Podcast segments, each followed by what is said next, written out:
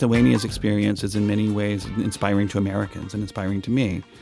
And the events of the of 1990, actually leading up to 1990 and after afterwards. You are listening to Talking Diplomacy. This is a podcast about diplomacy and international relations brought to you by the Lithuanian Ministry of Foreign Affairs. In this episode, we introduce the United States Ambassador to Lithuania, His Excellency Mr. Robert Gilchrist. Thank you for coming. It's great to be here. Ambassador, the beginning of your term was marked by the extraordinary situation the spread of coronavirus and new ways of working, communicating, and living. How did it change your work and life in Lithuania, where you recently moved? Well, it certainly changed my life very quickly. I I had been here for a month. I had to go back to Washington and for a quick trip through Germany, and then came back when we had the B9 summit. And my boss, the the acting assistant secretary for Europe, was here. So we had a lot going on. And as soon as he left town, it became apparent pretty quickly um, that things were changing and that we were going to need to take action. I think the Friday, maybe the Friday the was it the twelfth or the thirteenth, we um, we were planning to basically ramp down the embassy to have about half of our staff there, but then through the weekend it became pretty apparent that we were going to need to shut down. Um, so I had to to manage our staff of about 200 people. We had to make a lot of phone calls and literally tell everybody to stay home. And then I think in the ensuing weeks, just like many people in Lithuania, we had to figure out um, how to work. Um, the first few weeks were a bit of a challenge. We were still doing a lot by telephone. But pretty soon we learned that there was a lot of stuff that we actually could do remotely and do online. And then I'd say by the end of the, the quarantine period, we were getting pretty good at, at having meetings online. I was meeting with lots of ministers online, including the foreign minister. And um, I think we learned how to telework. Um, I think prior to that, we talked about it conceptually. Um, but, um, but this health crisis literally um, put us in a situation where we needed to telework. And I think we did it fairly effectively. But everybody was, we were hungry to see other people too. You know, after a few weeks, a lot of staff were eager to get back to work.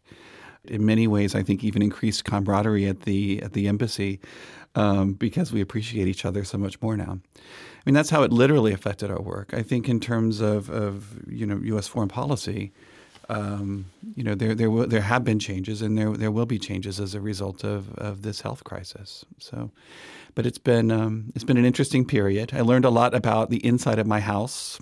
Um, when I got bored, I simply moved my office to another room and learned a lot about my back garden. I learned if I walked around it forty times, I could get in ten thousand steps. So um, there are things like that that I learned that I wasn't expecting to. It's made um, the returning to normal, quote unquote, all that much sweeter, I think, for all of us. Unfortunately, there were fewer opportunities to travel in Lithuania.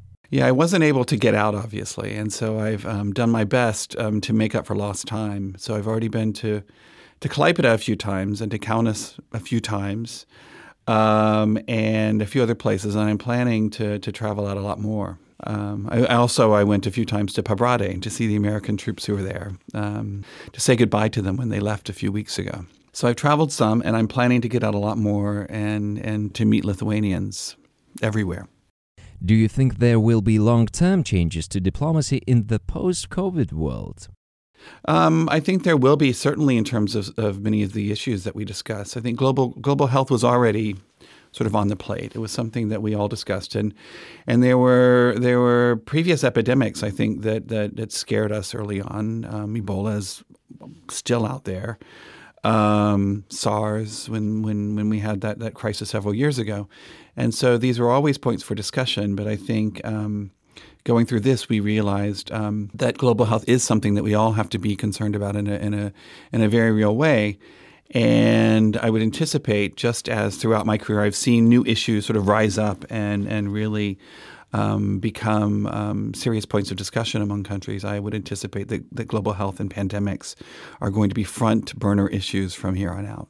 On 23rd of July, we commemorate the special occasion, the anniversary of the Sumner Welles Declaration, a document which condemned the Baltic states' occupation. Why acting Secretary of State Sumner Welles decided to announce this declaration and what was its significance? Um, well, it was in response to the significant loss of American lives in World War I, and the U.S. had pursued an isolationist foreign policy um, throughout the 1920s and 30s, and we didn't want to be drawn into any more European conflicts. However, when Japan invaded Manchuria in 1931, the U.S. criticized that action in what became known as the Stimson Doctrine, which said that we couldn't recognize states um, that, had, that had been created by acts of aggression. That doctrine actually influenced the Welles Declaration. Um, President Franklin Roosevelt um, wanted the State Department, my institution, um, to begin issuing stronger statements um, towards the end of the 30s to test the, the public mood regarding whether or not we should move away from um, isolationism. And there was a lot of concern about events in Europe in the summer of 1940, and amongst some U.S. diplomats, um, particular concern about the Soviet invasion and ultimatums towards the Baltic countries. And on the morning of July 23rd, 1940, um, Sumner Welles asked Loy Henderson the director of our Office of Eurasian Affairs at the time to draft a press release condemning the Soviet action and expressing support for the people of Estonia, Latvia, and of course Lithuania. Sumner Welles thought that um, Henderson's original draft um, didn't go far enough. He said it wasn't strong enough, so he, he himself called President Roosevelt on the phone and got his agreement that Welles could make the declaration even stronger and the declaration was released later that day. The declaration itself is only seven sentences long, but it is still seen as one of the most principled moments in American diplomacy. And it's certainly a moment I'm very proud of. Um, at the time, the New York Times actually called it one of the most exceptional diplomatic documents issued by the Department of State in many years. And it, it was the cornerstone of our Soviet policy for 50 years. Um, it allowed Baltic diplomatic uh, missions to continue to operate. Um, and when you talk, uh, when you walk into the State Department in Washington, you see a lot of flags in the entry lobby, and the Estonian, Latvian, and Lithuanian flags continued to fly there throughout the Cold War period and throughout um, illegal Soviet occupation. And U.S. official maps also noted that the U.S. government did not recognize the incorporation of the Baltic states into the Soviet Union for all that time. And this declaration is still very relevant today. Um, and when Secretary of State Pompeo speaks about how we will never recognize Russia's purported annexation of Crimea, he often refers back to the Welles Declaration. Um, it is the basis of our continuous refusal to recognize the Kremlin's claim of sovereignty over territory um, seized by force in contravention of international law. So it's a very important document, obviously, for the people of Lithuania. Um, it's an important document for me as a diplomat and one who firmly believes in an American diplomacy grounded in values. And obviously, it's an important one, I think, for America's engagement in the world in terms of the precedent it set, it set and the, the message it sent globally. It will be interesting to learn more about Sumner Welles. Could you tell us more about his other achievements and legacy? Welles, I think, is a very interesting and inspiring figure, but he's also complicated. And um, he came into the U.S. Foreign Service at the encouragement of um, Franklin Roosevelt, so he was directly connected with the Roosevelt family.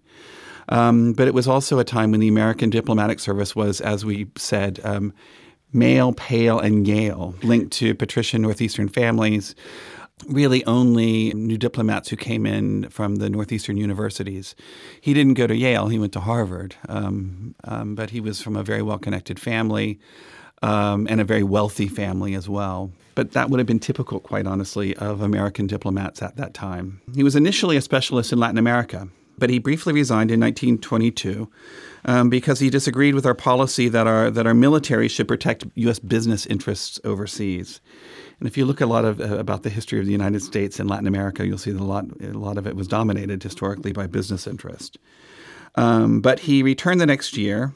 Um, but then he was fired by President Coolidge, Calvin Coolidge, in 1925 um, because he had married a woman who had recently divorced a friend of President Coolidge. But then um, Franklin Roosevelt, his old friend, brought him back in 1933 and made him the Assistant Secretary of State for Latin American Affairs. So he was in charge of all of our policy for Latin America. And he served as a special envoy to Cuba. And then uh, in 1937, Franklin Roosevelt appointed him Under Secretary of State, which is one of the most senior positions in the State Department. So he was effectively the number three, although some would argue the number two. Um, that was on paper, but in reality, he had a tremendous amount of influence with Franklin Roosevelt, his old friend. Um, and some even saw him as Franklin Roosevelt's sort of plant, his mole over in the State Department. He served there, obviously, at a, an important, an interesting and challenging time in American diplomacy as we entered into World War II. He served very augustly. He was very influential in the, the early workings to set up the United Nations um, still very engaged in Latin America. But I'll have to say that in 1943, he actually resigned from the State Department. It was because he became involved in what was seen as a scandal in the time that basically revealed his sexual orientation. Um, and at that time, one couldn't be bisexual or gay in the Foreign Service in the State Department. And so um, he stepped down for fear that the scandal will become even more blown up and problematic for him. Um, so that ended his career in traditional diplomacy. Um, he was he continued to be engaged in various sort of fora um, as as a public figure, um, but after 1943, um, he he was no longer an actual diplomat, and it is very tragic because many had assumed that he would become the the, the, the Secretary of State after Cordell Hull, who was the Secretary of State at the time, would, would step down, but that that didn't happen. This also proves that we as society came a long way in terms of tolerance. It did. It did. I mean, uh, that's um, something that I worked on in the State Department was was issues with regard to, to tolerance and um, uh, related to LGBT people. And up until actually the late '80s, um, at our Department of State, um, um, one could risk losing your career because of, of sexual orientation. So we have come a long way. We have come a very long way. Let's talk about the US and Lithuania relations.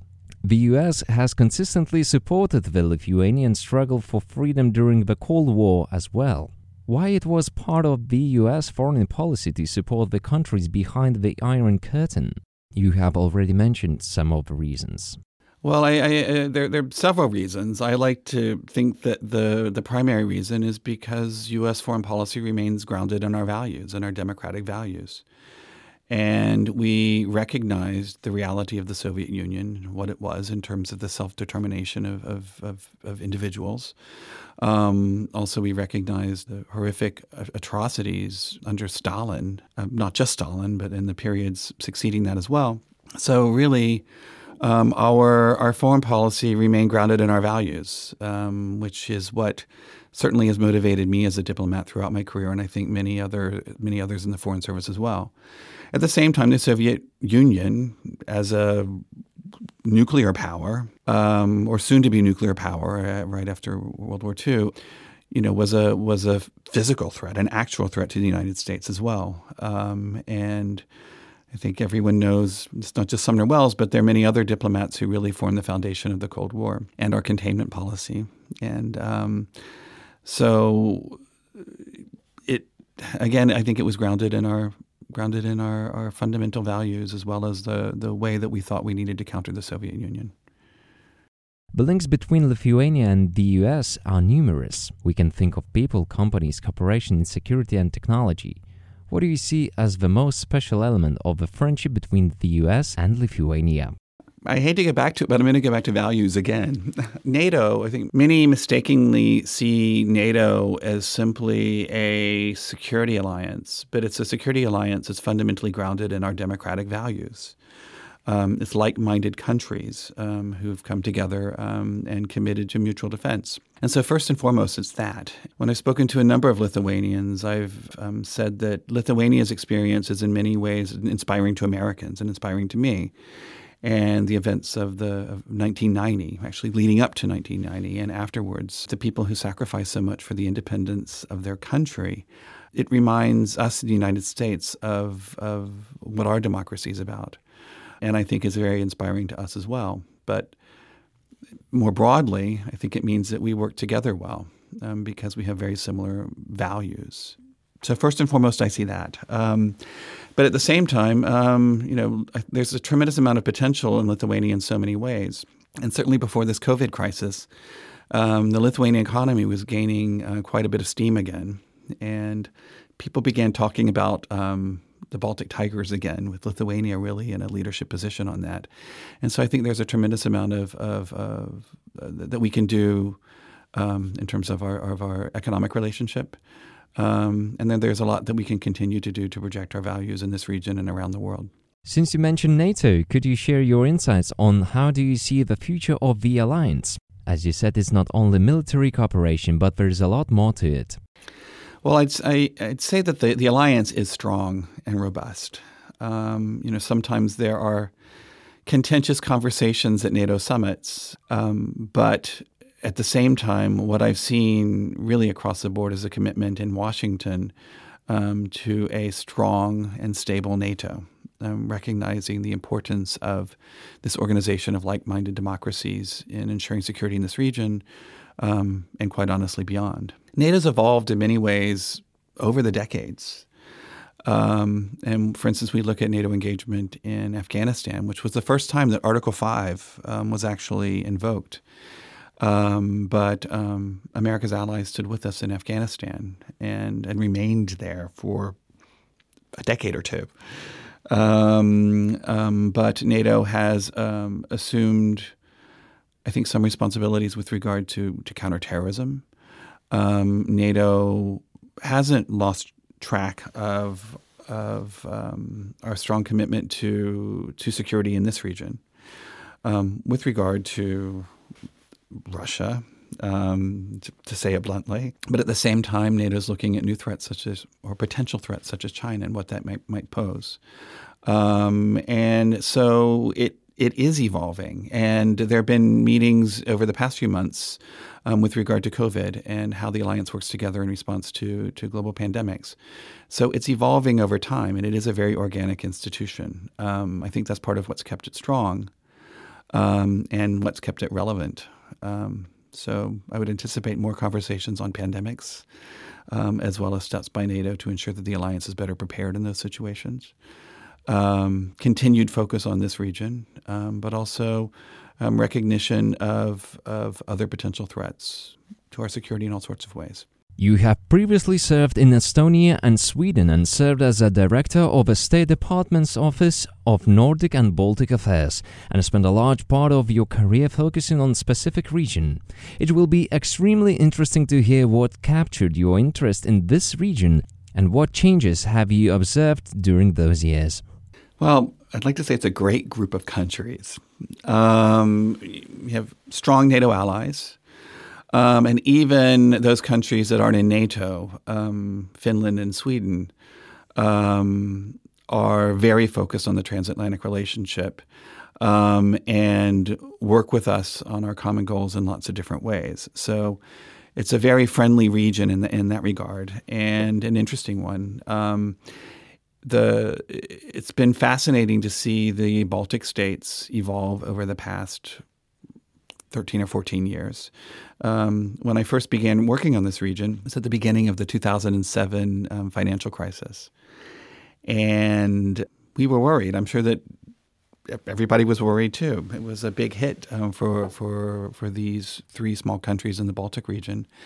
Um, but it's been tremendous to see um, how pragmatic Lithuanians and Latvians and Estonians are and have been and how they responded in a manner that I think has ultimately made um, the economies in this region much stronger. Um, so that's been fascinating. Um, when I first worked on this region, there were lots of concerns about energy security as well. It didn't seem like there was any kind of easy solution, and I certainly wouldn't have anticipated that Lithuania, at this point, um, would be as far along as it is in being um, independent um, with regard to its its energy and, and where it obtains energy from. And we were very concerned about it because we recognized the temptations by some neighbors to use energy as a negative diplomatic tool. And we saw that as a vulnerability in this region. And so it was and remains a priority for us. But what's been great to see is how it's been a priority also for peoples in the Baltic and how um, and how you found solutions. I had the chance um, a few weeks ago in Klaipeda during my first trip to Klaipeda um, to see the LNG terminal, and it was fantastic to see that. And I remember when when the Lithuanian government made the decision to to move forward with that, and it was impressive to see how quickly it was put together and pulled up and literally began operation. And so for me, um, it was it was great to to see that. Um, but it's also, um, I think, wonderful to have conversations with with Lithuanian ministers about the steps that continue to be taken to ensure energy energy independence. So, um, so that's something that I've seen evolve over time, um, and and Lithuania and the other Baltic states, you know, continue to grow economically and really become solidly integrated into into Europe and the EU and into the into the Western club. So it's been amazing to see. Since you worked in Estonia, you know some Estonian language. Is that true? Maragi eesti keelt, maragi natuke eesti keelt. And what does it mean? I speak Estonian. Could you say that knowing some local language gives you extra insight into the culture? It does help a lot um, because you learn a lot, um, not just about the grammar. And in Estonian, I can say that that grammar was tough. It was torture. It was torture trying to learn Estonian. But you develop insight into societies and, and how people think. Are you planning on learning some Lithuanian as well? I didn't have the opportunity to study Lithuanian. Unfortunately, um, the U.S. State Department has has amazing language programs for everybody except for ambassadors. And the reason for that is um, that once we're announced and we ideally get pushed through the Senate, they want to get us out here as soon as possible. And so, so language isn't a part of what we do before we come. Although I managed to get three weeks. So I got a bit. I got a bit, but I'm afraid it wasn't enough to say that I speak Lithuanian. And I'll continue trying. I promise I will try. I can't promise I'm going to learn Lithuanian fluently, um, but I can promise you I'll try. We wish you success in this endeavor. The last question is Did you find any curiosity about Lithuania that surprised you? Anything that surprised me. Well, I traveled here before, and, I, and I've worked on this region for a while. I'm not going to say I'm surprised by it, but I was pleased just with how warm people have been, and um, and and I've spent a lot of time in the Baltic region, um, I'm not going to talk badly about other Baltic peoples, um, but um, but I would say that Lithuania really is the Italy of the Baltic. People have been incredibly warm and open to me, and it's it's been really um, a wonderful experience. And I look forward. I'll be here for a while longer, at the very least, for hopefully for a few more years. So I look forward really to discovering this country even more. Thank you so much for coming and for sharing your insights. We wish you a productive and inspiring time in Lithuania. Thanks so much. This has been great. Thank you. Thank you for listening. Stay tuned for future episodes and you can follow us on Facebook, Twitter, LinkedIn, and Flickr. Thank you.